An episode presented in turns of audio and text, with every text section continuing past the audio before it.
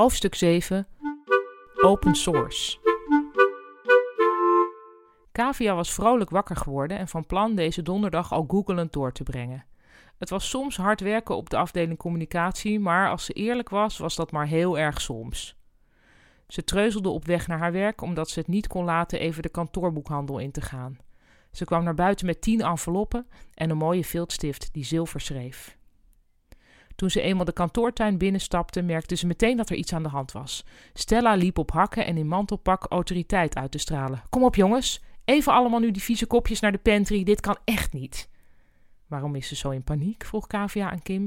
We hebben vandaag die workshop, zei Kim gejaagd. Oh ja, de workshop die Stella had geregeld. Om half tien kwam er een niet onknappe man de afdeling op. Stella liep naar hem toe. Heel erg fijn dat je er bent, Adam. Ze wreef zich bijna tegen hem aan. Stoelen in een kring, snauwde ze in één adem door naar Kavia. Je kunt het honderd keer tegen ze zeggen, zei Stella glimlachend naar de man die Adam heette, maar helpen doet het niet. Kavia schoof wat stoelen bij elkaar en zo zaten ze even later met z'n allen in een kring. Kavia keek verlangend naar haar bureau. De zilveren viltstift lag haar toe te glanzen. Hallo allemaal, zei Adam. Ik ben Adam Zevenhuis en ik heb in het verleden alles, maar dan ook alles fout gedaan wat betreft time management. Ik liep op mijn spreekwoordelijke tandvlees en ik kan het hier meteen wel toegeven. Ik heb een burn-out gehad. Maar daar is hij natuurlijk sterker uitgekomen, dacht Kavia. Maar ik ben er sterker uitgekomen en ik heb besloten om mijn kennis, want dat is het, kennis, te delen met anderen. Ik ben totaal open source geworden en daar geloof ik ook heel erg in. Kavia probeerde oogcontact met Roy te krijgen, maar die keek over haar hoofd heen naar buiten. Vingers, zei Adam. Wie is er wel eens meer dan een uur aaneengesloten aan het ronddwalen op internet? Kavia wilde haar poot al opsteken, maar ze zag dat Stella spiedend de kring rondkeek. Met human resources erbij kon je maar beter niet te eerlijk zijn.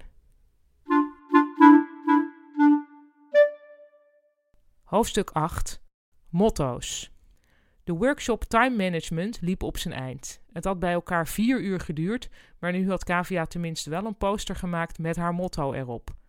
Eerst had ze tegengestribbeld en tegen Adam gezegd: Ik geloof niet zo in motto's, geloof ik.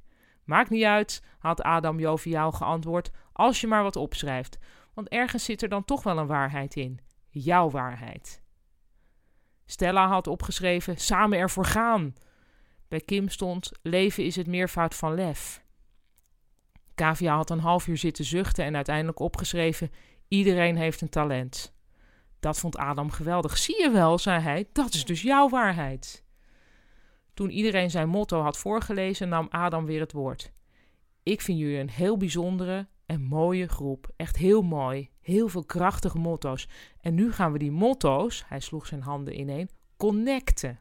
Dus pak een papiertje en schrijf een boodschap aan iemand in de groep.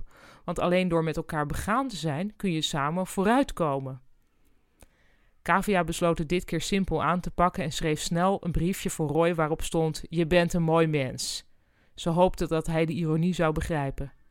Zelf kreeg ze een briefje van Stella. Stel dat er alleen maar halfvolle glazen zouden bestaan, stond er. Kavia interpreteerde dit als een aanval. Toen ging Adam weg en kon Kavia lekker weer achter haar bureau zitten bij haar nieuwe zilveren viltstift. Ze vroeg zich af of er in de workshop überhaupt iets aan bod was gekomen wat te maken had met time management. Ze dacht het niet. Roy kwam naar haar toe en zei met tranen in de ogen: Dank je, Kaaf. Graag gedaan, zei Kavia.